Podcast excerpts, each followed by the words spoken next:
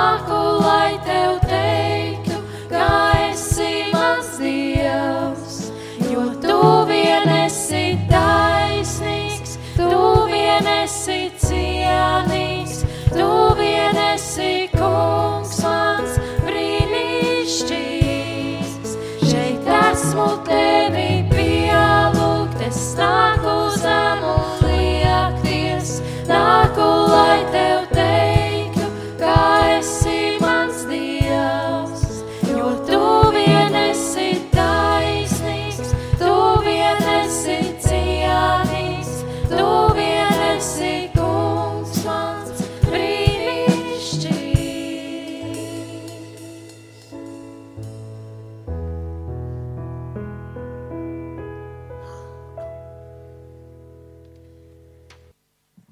Kristīna runāja un aicināja mūs lūgt, pirms, kamēr vēl skanēja iepriekšējā dziesma, manā sirdī rosījās ne tā kā citreiz šī izteiksme, bet tā līdz asarām.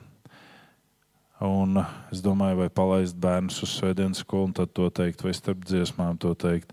Bet Kristīna sāka savu lūgumu izteikt. Un tāpēc es gribu pateikt to šajā brīdī. Un tas, kas manī rosījās un plēsa burtiski man uz pusēm, ir tas, ka atcerieties, ka Izraēla bērni izējot no Eģiptes, dažu dienu attālumā bija nonākuši līdz sarkanai jūrai. Ne? Eģiptieši dzinās pakaļ ar prieku un pateica, nekur jūs neiesiet. Un tad jūra pašķīrās. Un tauta pārgāja pāri sausām kājām. Savā dzīvē es vēroju jūs, kas esat šodien šeit, un burtiski es varu teikt par katru no jums. Savā dzīvē jūs esat sasnieguši slieksni, jūra ir priekšā. Vienam tas ir veselības jautājums, citam tas ir darba jautājums, kādam tas ir attiecību jautājums.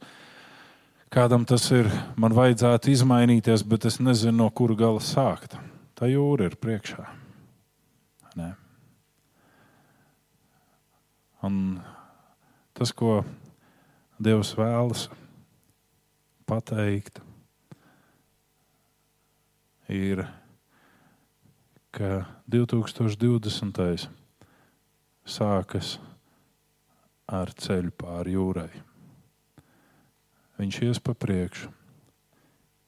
Viņš tevi kā individu un mūsu kā draugu ved pāri jūrai. Es neteikšu, varbūt detaļas, bet tas ceļš ir tāds, ka mēs apstāsimies mēs varēsim teikt, cilvēkam tas nebija iespējams. Bet Dievam viss ir iespējams.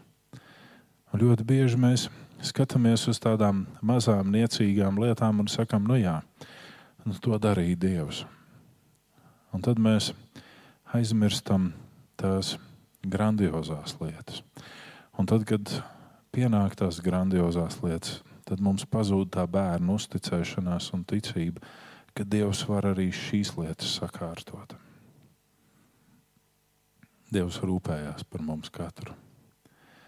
Vakar vakarā un naktī un šodien no rīta es piedzīvoju no jauna, ka viņa rūpes ir, nu, latviešu saka, bez atkazna. Ne? Pilnībā līdz detaļām, līdz sīkumiem par katru no jums. Un kāds no jums sēž un saka, nē, man nekāda jūra priekšā nav. Man tik tāds viegls nākotne. Visi mēs pāriesim šai jūrai. Katrs kā indivīds savā posmā, un arī kā draugs. Lai Dievs svētī ikvienu no jums. Tagad uz 20 minūtēm man ir jāatlaiž svētdienas skola. Jūs gribat iet prom vai paliksiet šeit? Raimonda, jūs iesiet.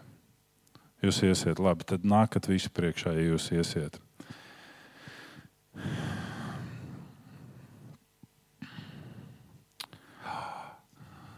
Tu Ziemassvētkos būtu zaķītis? Ko? Ja? Debes Tēvs svētī šos bērnus. Katram no viņiem pieskaries un dāvā savu žēlastību, un arī viņu agrajā jaunībā atklājies, ka tu esi tas, kurš var viņus pārvest pāri jūrai un svētī viņus. Āmen! Āmen! Dodaties, lūdzu! Un pavisam daži un īsi un ātri ziņojumi, un tad strauji ķeramies pie Dieva vārda izpētes. Nākamā nedēļa ir tā nedēļa, par kuru mēs ilgi domājām, kad tas vēl būs, un tā ir pienākusi. 21. datumā mēs nākam kopā uz draudzes svinībām.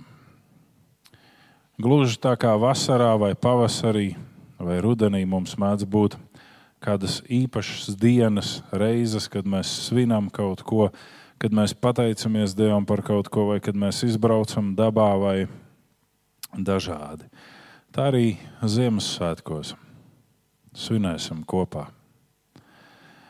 Un eh, bez tā, ka mēs varam svinēt kopā, mums ir arī kādas aizlūgšanas.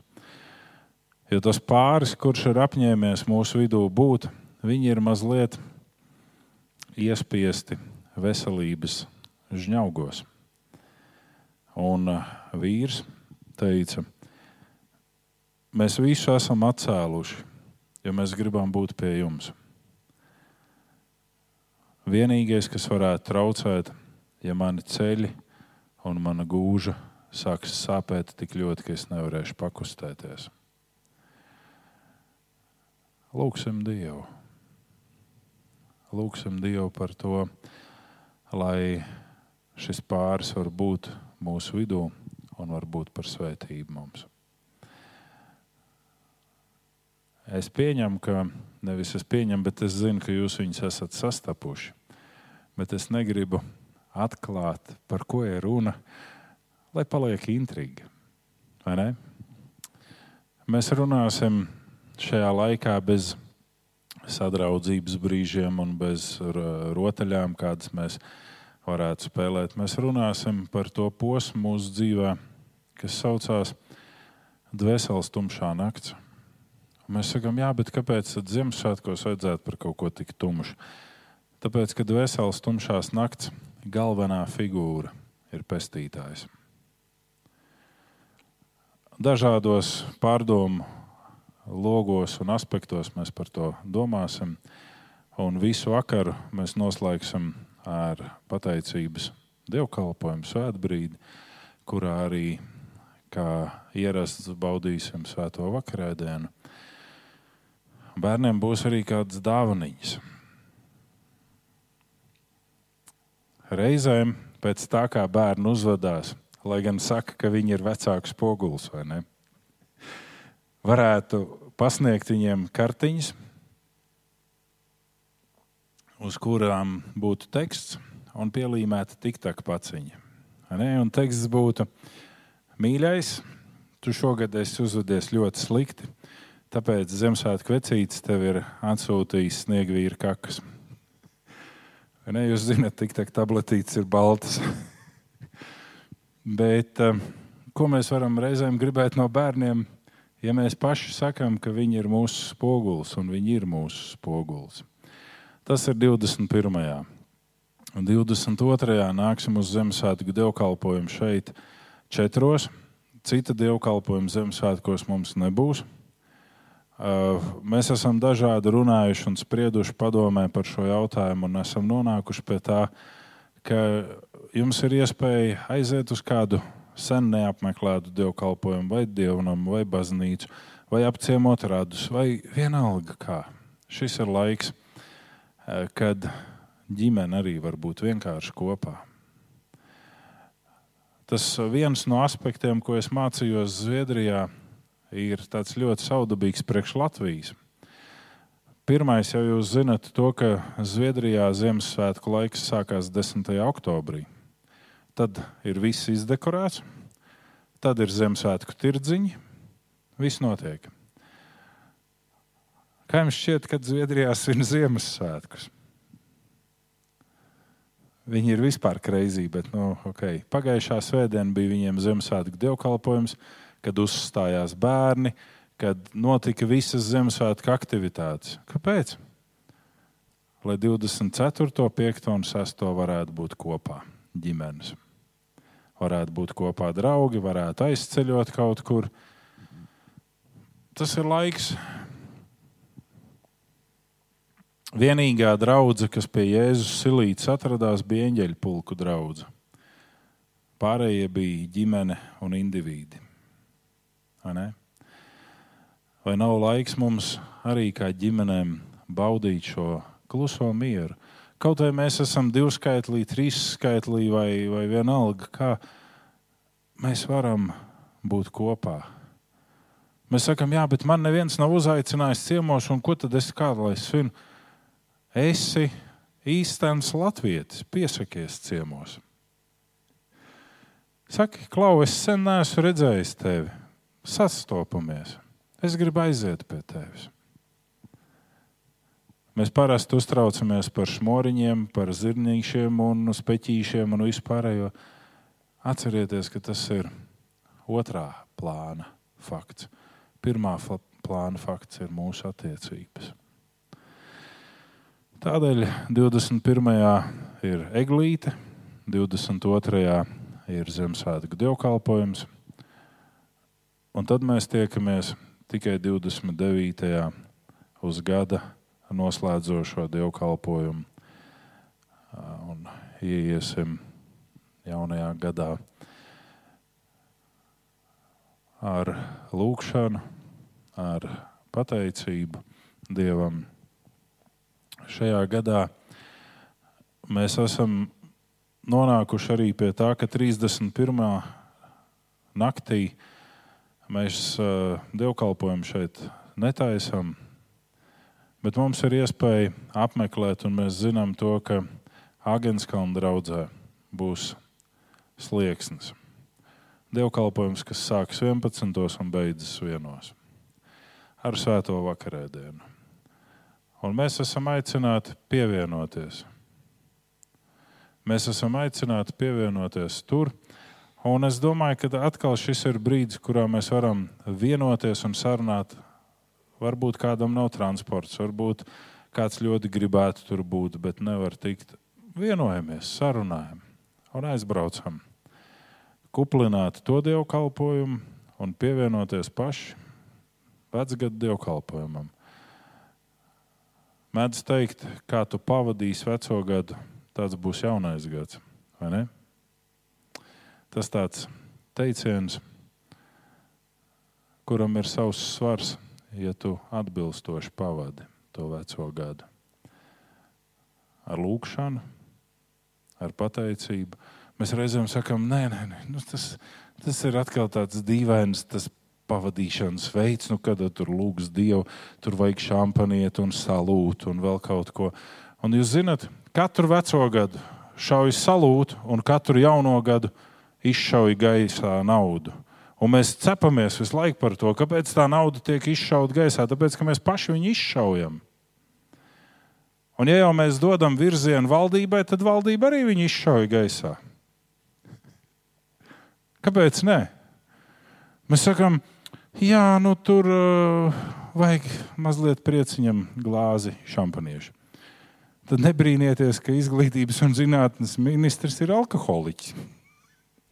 Ne? Tad par ko tur brīnīties? Mēs taču paši iedodam virzienu. Tie bija ziņojumi. Uh, vēl viens ziņojums. Jūs redzējāt, aizmugurē ir tirdziņš izlikts. Jūs varat ziedojuma traukā tur likt ziedojumu un ņemt uh, dažādus šos veidojumus, kas tur ir salikti un mans kā dāvans saviem draugiem, radiem paziņām. Šogad mēs tirdziņu neveidojām kā citu gadu. Bet šis ir kaut kas, kas aiziet kā atbalsts nometnēm. Un šodien mēs arī bijām ar šo pašu tirdziņu jau Jālgavā. Un ļaudis atsaucās ļaudis bija priecīgi. Un, apmēram jūs varētu biežāk atbraukt. Mums tā ļoti patīk. Tā tad arī jūs varat baudīt šo tirdziņa labumu visu. Bet šobrīd mēs esam nonākuši pie mūsu svētrunas. Un svētrunas tēma šodien ir, vai lai man nav žēl? Iespējams, ka mēs šodien pārdomāsim kādas lietas, kas ir skarbas un kas skarbi mūs aizskar. Bet jautājums ir, vai mums ir žēl, ko mums ir žēl, kāpēc mums ir žēl? Šie ir tādi jautājumi, ko mēs reizēm apspriežam publiskāk, taču šādu un tad mēs to ļoti iekšēji risinām un mēģinam rast atbildes un saprast šis žēl iemeslu un virzību. Ja mēs ļoti daudz žēlojam, mēs kļūstam tādi, kas žēlojās. Visur un par visu mēs žēlojamies. Bet, ja mēs iedziļināmies, mēs varam konstatēt, ka pamatā visa žēl izteiksmes iemesls esam mēs paši. Mums ir žēl, tas, ko mēs izsakām, ir apvīts ap mums. Līdz ar to pat tad, kad mēs izsakām, man tevi žēl, Runa ir par mums, runa ir par mani. Pavērojiet, kādās situācijās tiek lietots šīs izteiksmes veids. Ļoti regulāri tad, kad viens ir izvēlējies savu ceļu, un otram ar viņa sāpēm, apstākļiem un notikumiem nav vietas šajā plānā. Tiek arī citas situācijas lietot šī izteiksme, taču ir viena apkarojošā izteiksmes šai žēl izteiksmai. Un tā skan, nav ko žēlot, ja nevari, jeb negribi palīdzēt. Mēs varam lietot atšķirīgas izteiksmes, bet šodien paskatīsimies uz žēlu un žēlumu, kas izraisa empātisku žēlsirdību. 1. korintiešu vēstule, 13. nodaļa, 4. līdz 7. panti. 1. korintiešu 13, 4, 7. Mīlestība ir pacietīga, mīlestība ir labvēlīga, tā nav greizsirdīga, mīlestība nelielās, tā nav uzpūtīga, tā nav nepiedienīga, nemeklē savu pašlabumu, neskaišas, nepiemin ļaunu, tā nepriecājas par netaisnību, bet priecājas par patiesību, tā panes visu, tā uzticas visam, tā cer uz visu un iztur visu. Āmen. Šo mīlestības odu apustulis Pāvils ir iekļāvis tekstā starp visu dievkalpošanu. Tad, kad mēs lasām pirmo vēstuli korintiešiem, mēs redzam, ka nodaļās pirms mīlestības odas ir runa par to, kādam ir jābūt kunga mīlestam, ir runa par to, kādam ir jābūt dievkalpojumam, tad ir mīlestības oda, un tad turpinās atkal runa par to, kas ir saistīts ap kunga dievkalpošanu ap šo brīdi, kad mēs sanākam kopā. Tur ir runa arī par svētā gara dāvanām un ikdienu kā ticīgajiem. Un pirmais, ko mēs varam konstatēt un redzēt, ka mīlestība ir kaut kas, kas ir gan šeit virs zemes, gan debesīs, mūžībā, paradīzē. Jo mīlestība ir vienīgā, par ko tiek teikts, ka tā nebeidzās. Ticība noslēps, cerībai nebūs pamata, jo tie ir apstākļi, kurus mēs lietojam šeit virs zemes. Debesīs no tā nav nekāda jēga. Mums nav jācer uz to, ko jau mēs redzam. Mums nav jātic tam, ko mēs redzam. Ne? Ir teikts, ka mēs būsim kā eņģeļi, bet tādai mīlestībai ir vērtības šeit virs zemes, un mīlestība būs arī debesīs. Jo debesīs mēs būsim Dieva klātbūtnē, un esot Dieva klātbūtnē, kas ir mīlestība, mēs ietilpsim šajā mīlestībā. Un otrais, tas, ko tu lieto un veids, kā tu darbojies, vai tā ir mīlestība. Tas, ko tu lieto savā ikdienas gājumā, vārdi, izteiksme, attieksme. Reizēm cilvēki rīkojās sekojoši. Viņi atzīst, ka viņi rīkojas nepareizi. Bet nākamajā brīdī, kad viņi varētu labot šo nepareizi, viņi vienalga izdara tāpat. It sevišķi, ja mēs runājam par spītību, jeb paštaisnību. Cilvēks saka, jā, es esmu ļoti spītīgs, ļoti slikti. Un nākamajā brīdī, kad tu vari lauzt savu spītību, tu esi tāds pats spītnieks. Kāpēc? Un tad mēs sakām, jā, tāds man ir raksturs. Ho, mēs sakām vēl ko interesantu es esmu lūdzis Dievu, nekas manī nemainās, tad jau laikam Dievs grib, lai es tāds palieku. Un mēs atgriežamies pie kolosiešiem 3.5. Nomērdējiet sevi. Mācītājs Vils Zelmīts, tas gan ir viņa pseidonīms, viņš bija izsūtījumā. Un viņa liecība par esošo uh, attieksmi pret izsūtītajiem bija sekojoša. Viņš stāsta kādu atgadījumu, kurā viņš tiek ievietots tādā betona kamerā, kas ir tā kā cilvēka izmēra, kur īsti pat nevar pagriezties, ne notupties, nekā. Un tur viņi ievieto kailu diezgan vēsā laikā. Un apmēram reizi divās minūtēs viņam uz galvas pil viens piliens augstu ūdens. Viņš saka, tā sajūta Pēc otrās stundas apmēram ir tāda, ka viens ar veseli zvetētu pa galvu. Bet tas ir tas pats mazais piliens ūdens. Un tas ir tas veids, kā nomērdējiet. Mēs sakām, jā, bet man bija tik grūta bērnība. Tagad tu esi pieaudzis, vismaz fiziski tu esi pieaudzis. Kāpēc tu nevēlies arī garīgi pieaugt? Kāpēc tu visu laiku atgriezies pie tiem saviem pieķēpātajiem pamperiem un stāsti, ka viņi reiz smirdēja? Ir laiks tos pamperus izmest ārā. Un trešais, ko mēs redzam šeit, ir mīlestība, rada žēlsirdību un empātiju, bet noliedz žēlošanos un žēlumu. Un mēs lasām no Jāņa vēstules, un mēs tur lasīsim ilgāku posmu. 1. Jāņa vēstule, 4. nodaļa, no 7. līdz 21. panti. Mēs tā secīgi iesim cauri. 1. Jāņa 4, 7, 21. Un pirmais, ko mēs lasām, pirmā perikopa ir: Mīļotie, mīlēsim citu citu, jo mīlestība ir no Dieva, un katrs, kas Dievu mīl, ir piedzimis no Dieva un Dievu pazīst.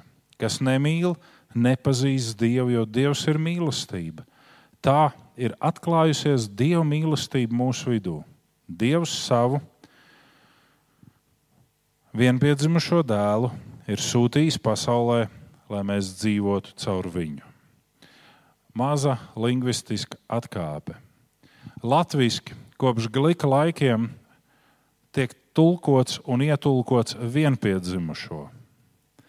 Oriģināla teksts, precīzāk grieķu saka, monogēnos vai ar plato e, monogēnus.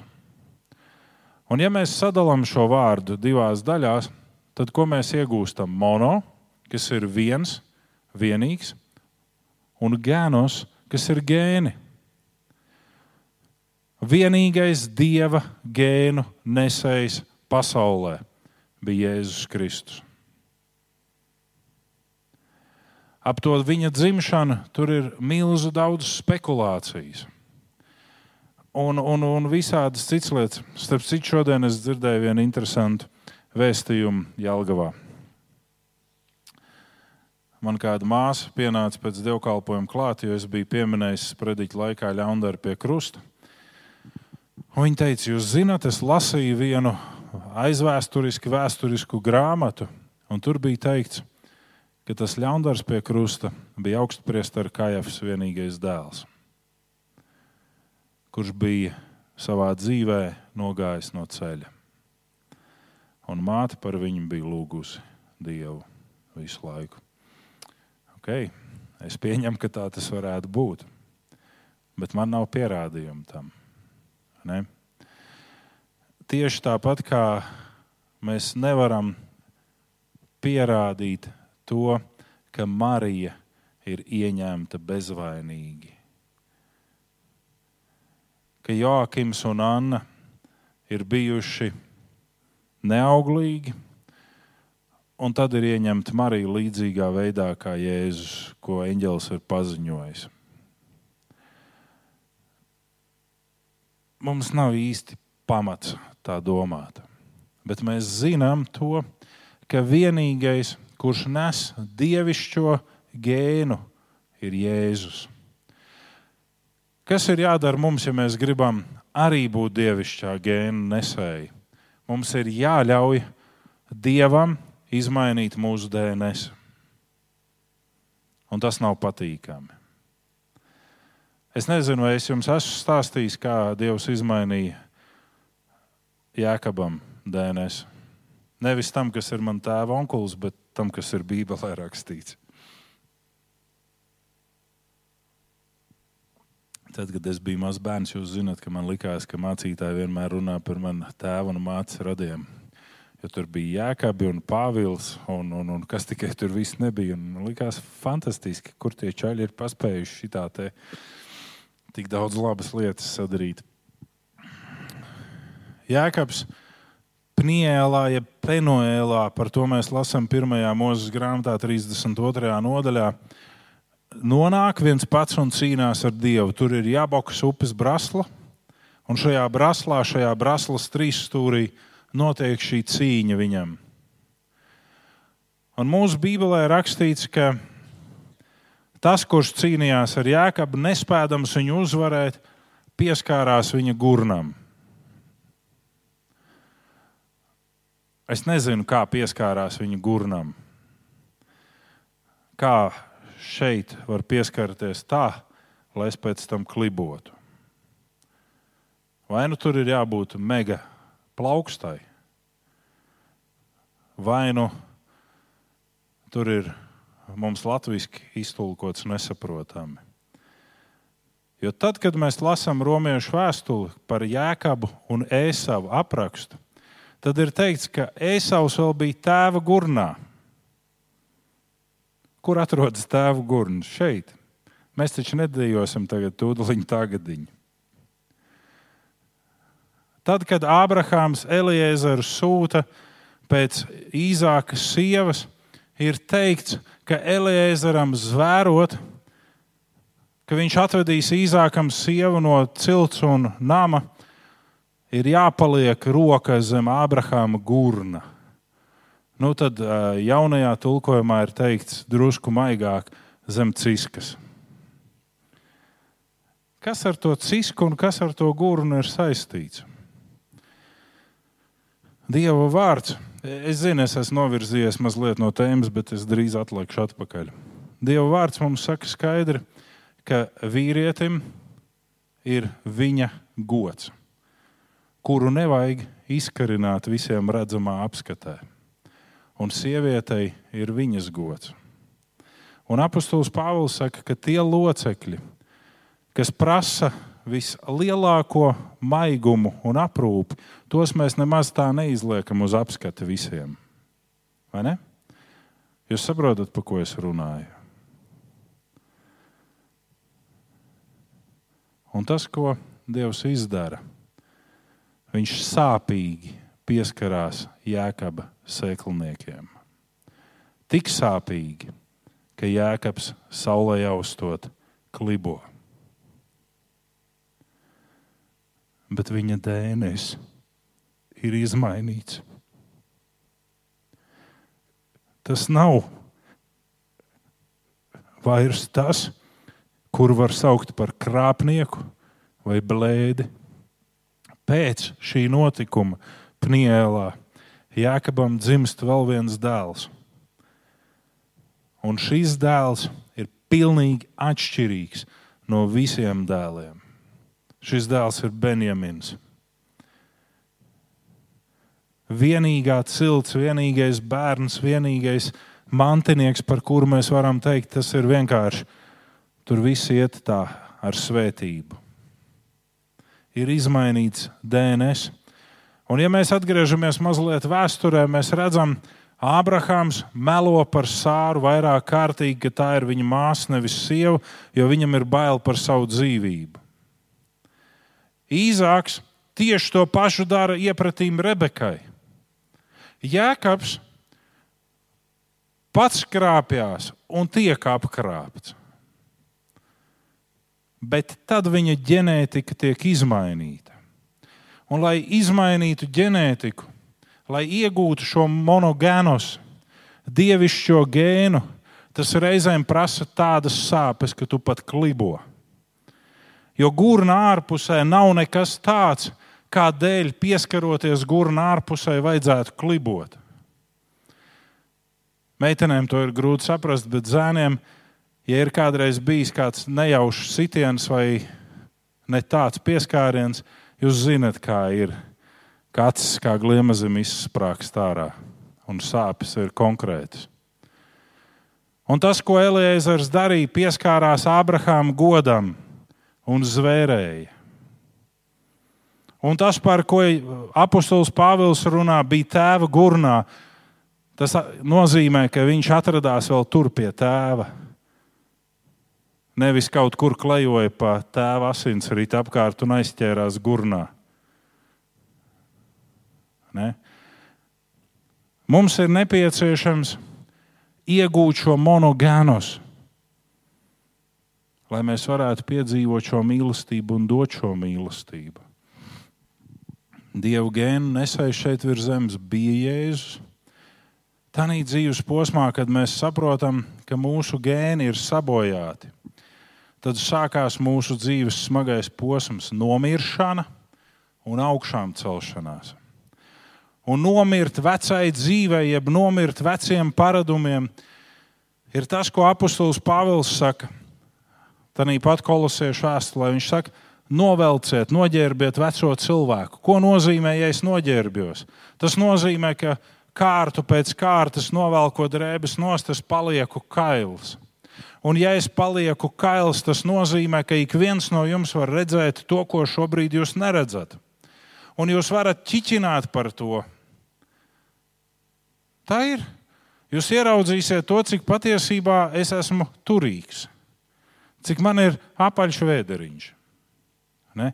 Tagad jūs to neredzat. Tikai reizēm, kad Edvards mēģina samērīties ar vēderiem, ar manu un mēģina iesist un pagrūst mani, tad viņš pamanā, ah, jā, tur ir tāds buferzona.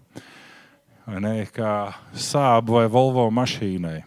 Uz amortizatoriem buferis uzsēdināts. Ne? Un tas nozīmē nomirt sev. Tanī brīdī, kad tu gribi darīt grēku, nomirt sev nozīmē, ka tu izvēlēsies nē, lai cik tas būtu grūti, lai cik tas būtu neiespējami, es nedarīšu šo grēku. Tanī brīdī jau pieminētais temats, kad tu gribi iet un paņemt kredītu, vienalga kādēļ. Tad tu krīti ceļos un saki, nē, Dievs, es to negribu darīt. Ja tu klāsi manu galdu, tad es piedzīvošu tavu svētību. Un, ja nē, es vienalga pateikšos tev. Tanī brīdī, kad tu gribi aiziet un piedzērties, tu velc nost to savu veco cilvēku, un tu saviem līdzgaitniekiem saki, lūdziet par mani.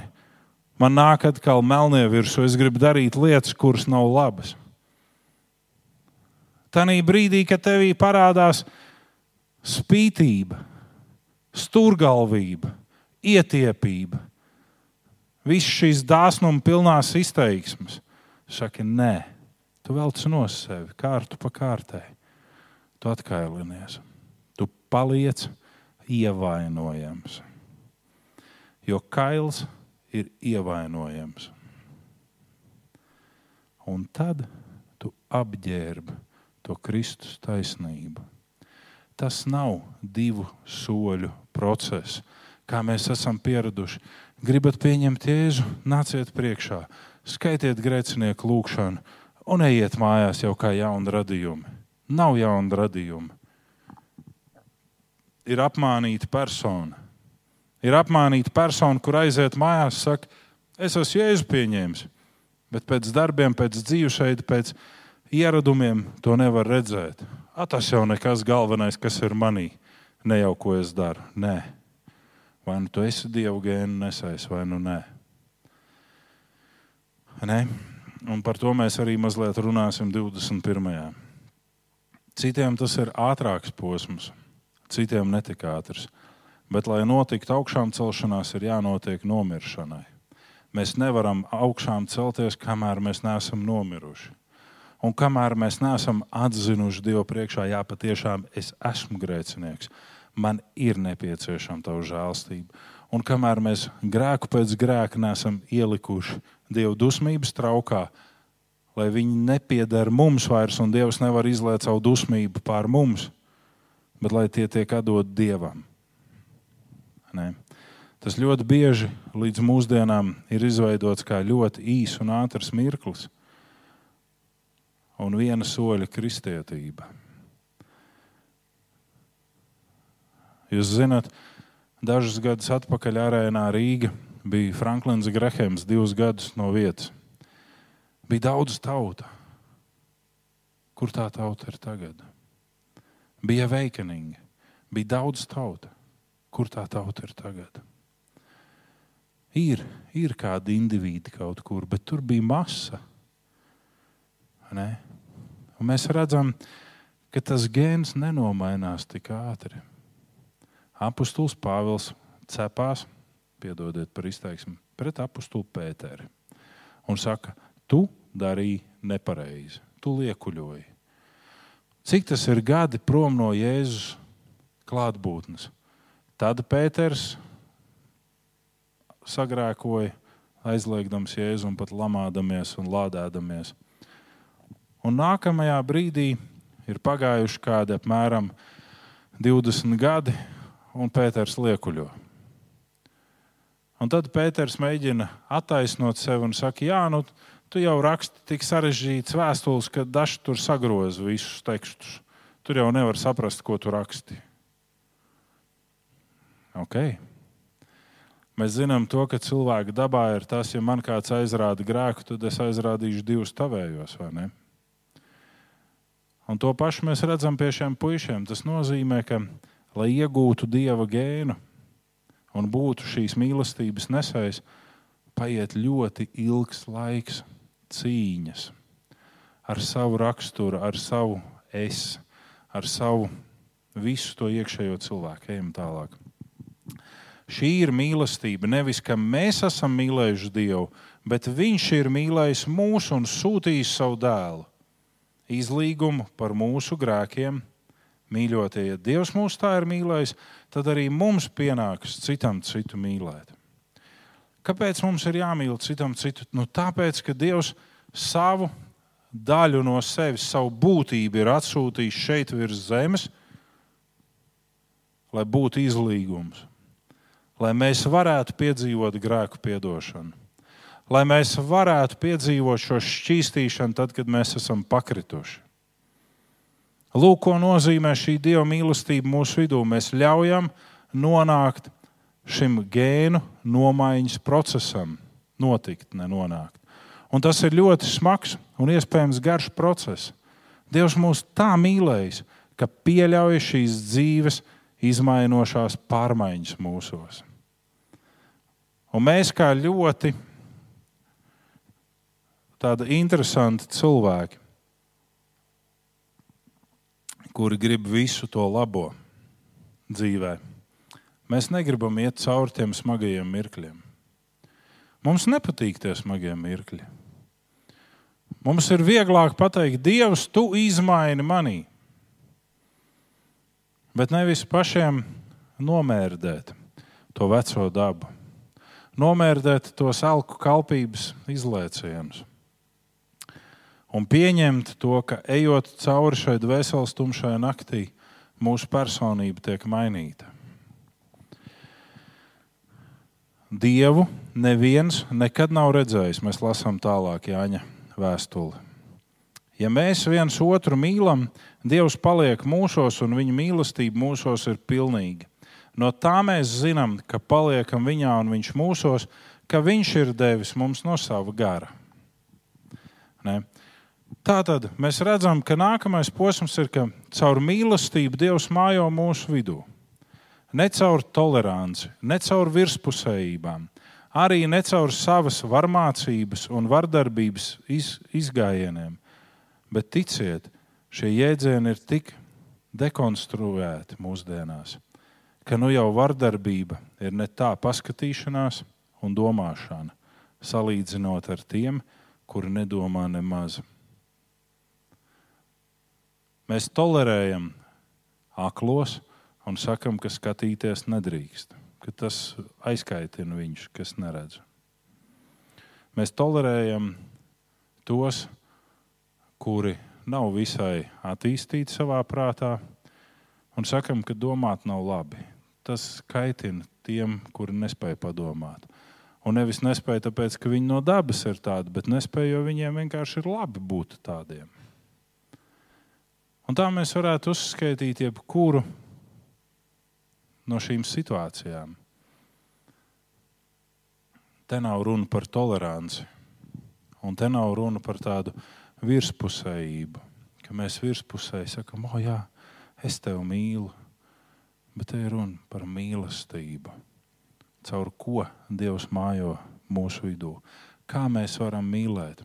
Tikai tad, kad mums ir izmainīts DNS, tad mēs varam mīlēt tā, kā Dievs mīl. Tad, kad mūsu gēni tiek nomainīti uz monogēnus, uz dieva gēnu, mēs varam mīlēt tā, kā Dievs mīl. Mēs sakām, bet vai man tas vispār ir vajadzīgs? Bet vai tev ir vajadzīgs nonākt Dieva klātbūtnē?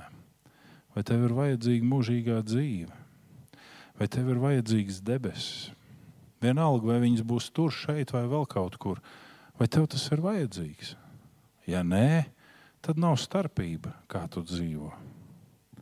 Bet, ja tev tas ir vajadzīgs, tad vērtē to, ko tu dari, kā tu dari. Un nevienmēr mums sanāks būt tiem mīlestības nesējiem, jo būs brīdis, kurā atkal mēs, tā varētu teikt, paklupsim, sakaitināsimies, sadusmosimies, sakaitināsim citus, izdarīsim kādas citas nelabas lietas, bet tad mums ir pieeja pie Dieva caur Jēzus Kristus upuri. Un mēs sakām, šķīstī mani. Bet kamēr mēs apzināti sakām, es darīšu to, ko es gribēšu, un Dievam būs jāsvētī mani, tikmēr nekas nemainās mūsu gājumā. Ejam tālāk tekstā.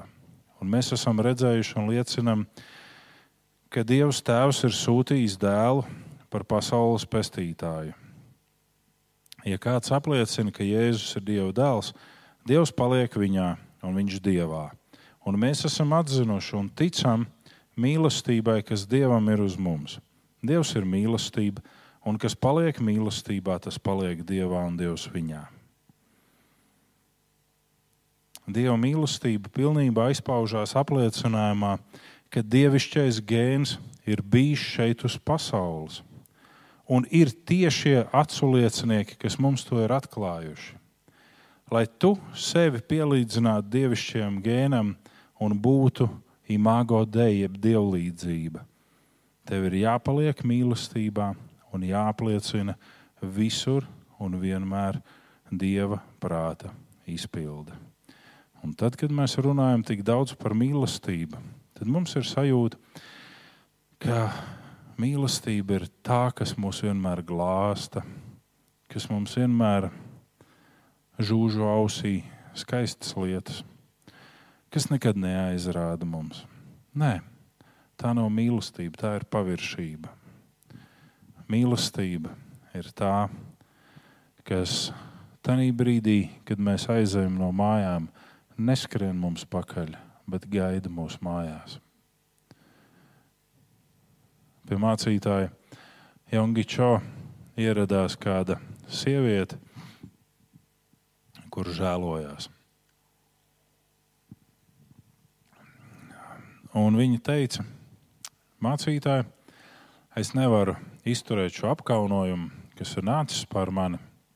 Mana meita ir kļuvusi par padauzu, par prostitūtu un narkomāni. Viņa dzīvojās pa bordeļiem uz ielām, un, un viņi veda vienkārši drausmīgu dzīvesveidu. Un šī sieviete apsūdzēja mācītāju priekšā, cik vien iespējams šo meiteni. Nu, viņa jau nebija meitene, viņa bija sieviete, bet vienalga tā māte sūdzēja, sūdzēja, sūdzēja. sūdzēja. Un tad mācītājs pajautāja, vai jums ir līdzi jūsu meitas fotografija. Viņa teica, jā, es vienmēr nesāju vienu viņas viskaistāko fotografiju līdzi. Un, un jūs zināt šo zviedru tipu krustu, kur ir krusts un izgriezts Jēzus siluets tāds stāvošs. Ziniet, augšām celtais Kristus, krustā iegriezts. Tāds caurspīdīgs. Un mācītājiem ir šis krusts līdzīgi tā kā šeit šis krusts. Un viņš šo meitenes fotografiju aizbīda aiz krusta un saka, jūs esat mēģinājis paskatīties uz savu meitu caur krustu. Tanī brīdī māte sāk raudāt. Viņa vēl lūdz Dievu, un māte atzīst, ka viņa nekad nav paskatījusies caur krustu uz savu meitu.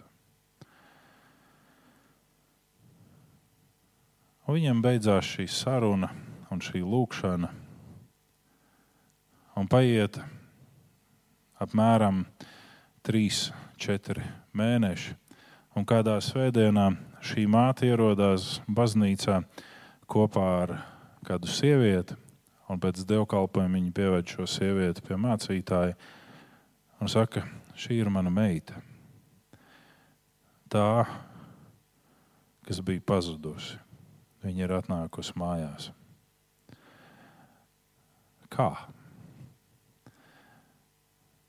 Un šī māte pēc šīs sarunas ar mācītāju bija izprintējusi tādas lapiņas, kur ir meitenes fotografija un teksts. Ja tu redzi šo un lasi, zini, ka es tevi gaidu mājās. Un viņa bija apstaigājusi visas pilsētas zupas virtuves un salikusi pie sienas šo tekstu. Un meitene saka, ka viņa kādā no šīm zupas virtuvēm bija iemaldījusies, un kamēr runātājs tur runā kaut ko, parasti tur mācītāji runā, bet tie, kas grib ēst, tie neklausās. Tie tikai tur la, la, la, la, la labi ir. Viņa ir klejojusi ar savām acīm apkārt pa perimetru un ieraudzījusi savu fotografiju. Ieraudzījusi tekstu un to, ka māte viņu gaida mājās. Un viņa ir devusies uz mājām, bet pie mātes mājās viņa ir ienākusi diezgan pavēlu vakarā. Viņa ir gribējusi klauvēt pie durvīm, bet tajā brīdī durvis ir no tā pirmā klauvējiena spēka pavērušās. Viņa ir sabijusies, vai tur kādi bandīti nav bijuši pie mātes. Viņa ir iegājusi un redz, ka māte guļ mierīgi. Viņa modina mammu, vai tev viss ir labi, vai viss kārtībā. Jā, meitiņa, kāpēc tu satraucies? Tev durvis bija vaļā kopš dienas, kad es izlīmēju šīs fotogrāfijas.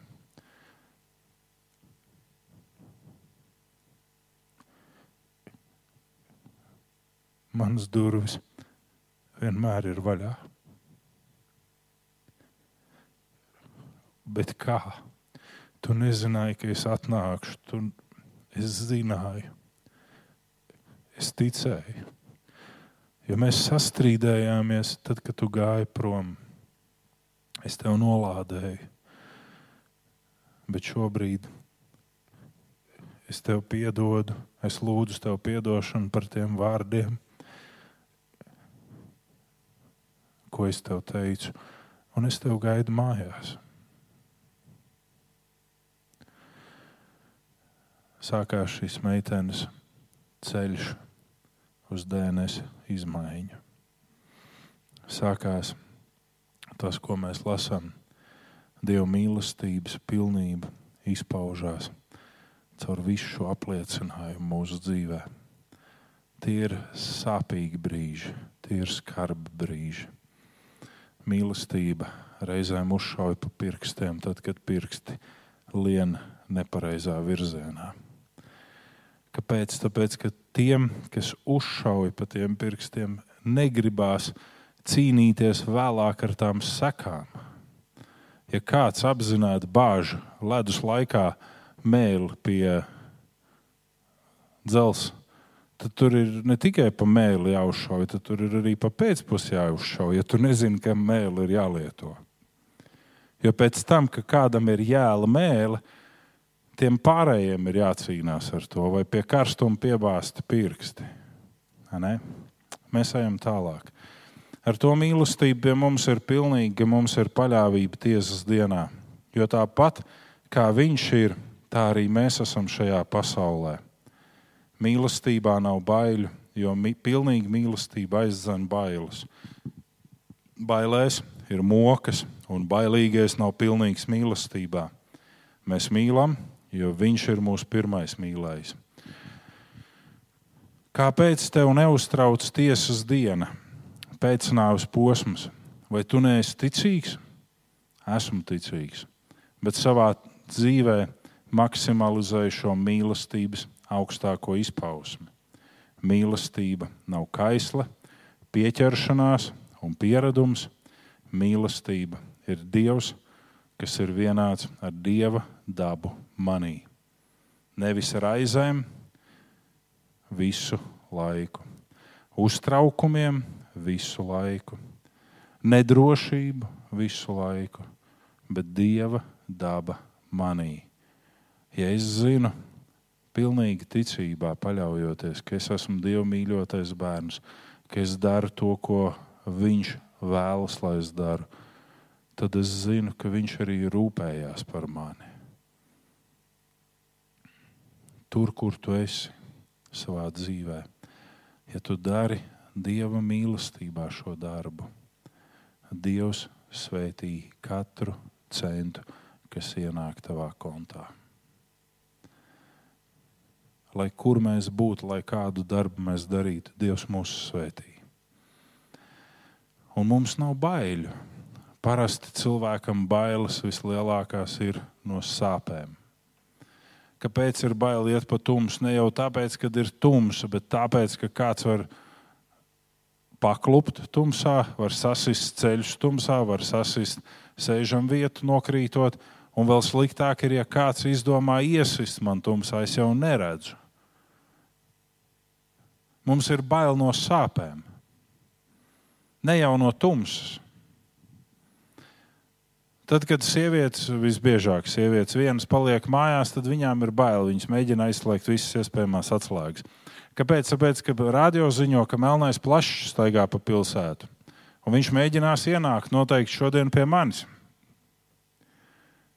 Ne?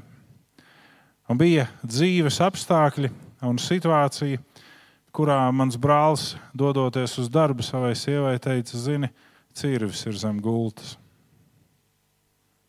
Nē. Tāpēc, ka vairāk kārtīgi uh, bandīti bija ielauzušies viņa mājā, un milicija neko nevēlējās pasākt tajā periodā. Bailes ir no sāpēm, bet mīlestība aizdzen bailes. Bailes ir no tiesas dienas, Bet, ja mēs esam pilnīgi mīlestībā, mums nav bail no tiesas. Jo nevis mēs stāvam savā spēkā tiesas priekšā, bet Kristus žēlastībā. Ne es esmu izdarījis kaut ko, lai tiktu attaisnots, bet Kristus manī ir izdarījis visu un par mani. Ejam vēl vienu soli tālāk. Ja kāds saka, es mīlu Dievu, bet nīs savu brāli, tas ir melis. Jo tas, kas nemīl savu brāli, ko viņš redz, nevar mīlēt Dievu, ko viņš neredz. Un mums ir šis bauslis, lai tas, kas mīl Dievu, mīl arī savu brāli. Un lūk, šeit mēs apstājamies un sakam, vai tu apliecini, ka mīli Dievu? Vai tava ticība, jeb rīcība pret tavu tuvāko ir patiesas mīlestības pildīta? Jeb tur dominē pragma, sociāla empātija, un viss kaut kas tikai ne mīlestība. Nekad neaizmirsti mīli grēcinieku un ienīsti grēku, un ne otrādi. Jo tajā brīdī, kad tu parādīsi nevīžīgu attieksmi pret grēcinieku, tu topi par grēka mīli. Vēlreiz lielākiem burtiem - mīli grēcinieku, ienīsti grēku. Tanī brīdī kad tu parādīsi savu pārākumu par grēcinieku, par to, ka viņš redz, ir grēcinieks, bet tu esi taisnais. Tanī brīdī, kad tu parādīsi to, cik tu esi labs tēvu priekšā, bet viņš ir slikts, kaut vai caur to, ka tu izvēlēsies nerunāt ar viņu, pagriezt viņam muguru. Tu mīlēsi grēku un ienīdīsi grēcinieku jo ir tikai divas dabas. Kuru grēku tu mīlēsi to, ar ko tu sevī netiec galā? Es drīz beigšu. Divi mūki ceļoja cauri tūkstnesim. Un jūs zināt, ka mūku solījumā, vienā no mūku solījumiem, ir ne tikai tas, ka viņi dzīvos bezlaulībā, bet ir arī tas, ka viņi nepieskarsies sievietei. Ne? Ziniet, tā ir. Un abi divi ceļo cauri tūkstnesim, nu tādai tūkstnešainai vietai. Un viņi nonāk pie straujas upes, tāds diezgan padziļs, bet pārvar pārbrist. Un pie šīs upes krastā stāv meitene, saģērbusies svētku drēbēs. Un viņi nesaprot, kā tagad viņai tikt pāri tai upei, jo viņai ir jāiet laikam kaut kur ciemos, un, un viņi nevar. Nu, svārki, jeb kleita, lai kas tur arī būtu, tas viss var samirkt, un viņi stāv un minstinās pie tās upes. Un tā kā tie mūki nāk, tā viens no tiem mūkiem paņem to meiteni uz rokām, pārnes pāri upē, noliek zemē un aiziet tālāk. Pēc stundas tas otrs mūks saka, paklau, brāli, es nevaru saprast, kā tu drīkstēji pieskarties sievietei. Un tas saka, mīļais, es to sievieti pirms stundas atstāju upes otrā krastā tu viņu vēl joprojām nesā.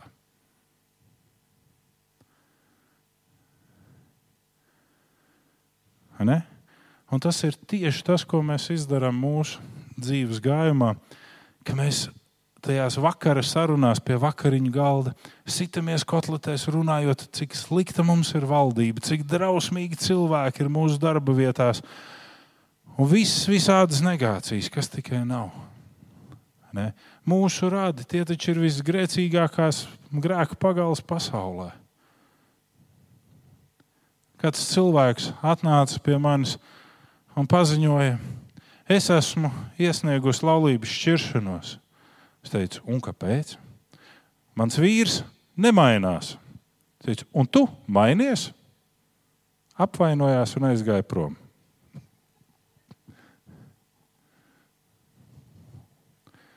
Kāpēc tu gribi šķirties?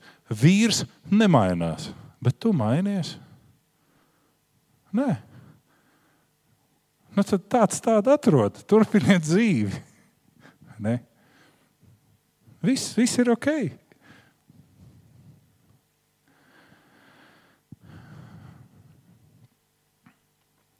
Un mēs izlasīsim pēdējo raksturvietu no Pāvieša Jonas grāmatas 4. nodaļas, 9. līdz 11. pantu. Pravietis Jona 4, 9, 11. Un mēs uztaisīsim tādu kopsavilkumu šajā raksturvietā par to mīlestību. Un kungs teica, tev, tas ir pravietim Jonam, žēl rīcinus stāda, kuru dēļ tu neesi pūlējies un ko neesi audzējis, kas izdīga vienā naktī un nākamajā naktī iznīka. Un man, lai nebūtu žēl lielās pilsētas Ninivas, kur ir vairāk cilvēku nekā 20 reizes 10 tūkstoši, kas nezina atšķirt savu labo roku no kreisās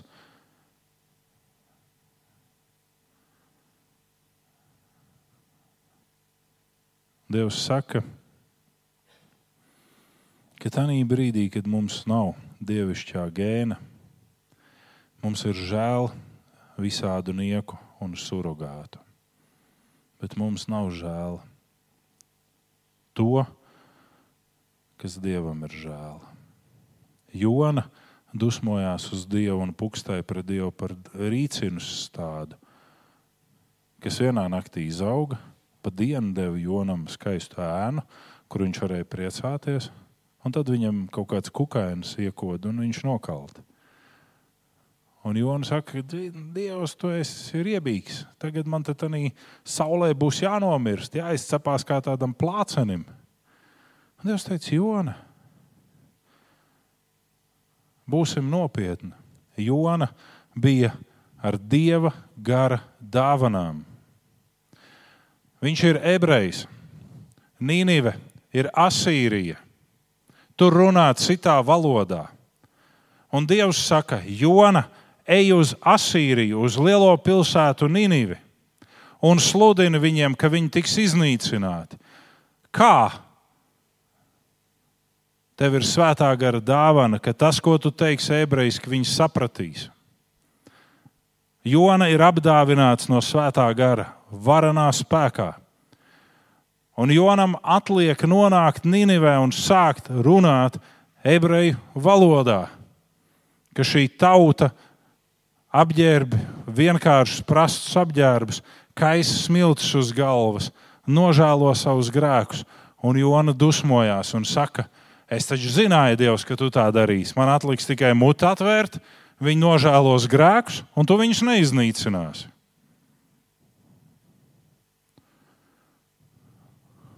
Tur tāda ļoti smaga cīņa notiek. Bet tieši tāda pati cīņa ir ar tevi starp Dievu un Dievam ar tevi savā ikdienā.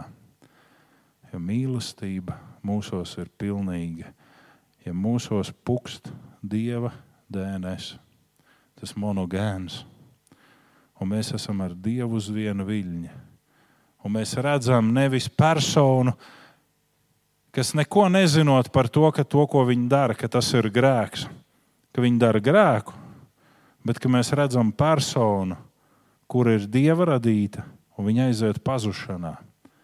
Tā dēļ, ka viņi nevar atšķirt labo pusi no kreisās. Tādēļ, ka viņi nezina neko no šī. Tādēļ, ka mēs uz viņiem nepaskatāmies caur krustu, bet mēs paskatāmies caur savu grēcīgo prizmu. Un grēki, ar kuriem mēs neesam varējuši tikt galā, ir tie, kurus mēs viņos redzam visvairāk. Tanī brīdī, kad sieva gribētu patriekt ratā savu vīru, viņa redz, kā citi ir pārkāpuši laulību. Bet viņi nevar, jo viņas godkāra ir pārāk liela. Viņas paštaisnība neļauj viņai patriekt vīru, bet tad viņi ņem un grauž nost visus pārējos.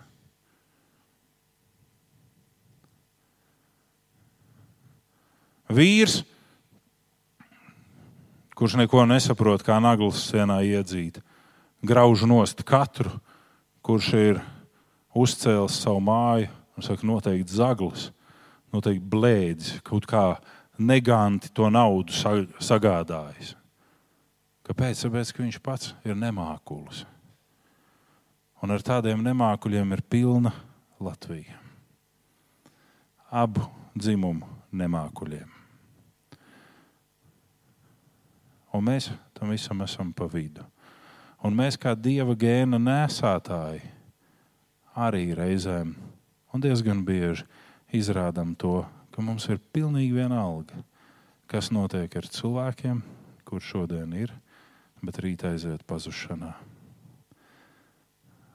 Mums ir galvenais, lai viņi nodrošinātu mūsu iekārs. Kāpēc tev vajag apprecēties? Tāpēc, lai kāds parūpētos par mani man nebūtu jāstrādā. Tāpēc vajag precēties? Nē. Tāpēc vajag bērnus radīt? Nē. A, kāpēc? Tāpēc, ka nevis es meklēju īsto priekš sevis, bet es meklēju sevī to, lai būtu īstais priekš kādas. Un tad, kad mēs beigsim meklēt īstos, bet strādāsim pie sevis, tad Dievs varēs mūs svētīt. Tad, kad mēs beigsim meklēt utis kaimiņu kažokā, bet redzēsim to, ka mums pašiem pietiek visādu knišļu un utu, ko kneibīt un bakstīt. Dievs varēs mūs svētīt, un mēs varēsim atrast pareizās atutošanas metodes. Ne? Tas ir it kā tik vienkārši, bet tāpat laikā tas ir visas dzīves posmā. Mums darāms darbs, lai šī mīlestība varētu tapt pie mums pilnīga. Pilnīga mīlestība ir tā, kas mīl otru reizēm un pat bieži neievērojot sevi. Nevis tā, kas meklē visur, kurš mīlēs un rūpēsies par mani. Lai Dievs mūs ikvienu svētī. Un lai šajos Ziemassvētkos Dievs zem eglītes katram no jums iepako savu gēnu.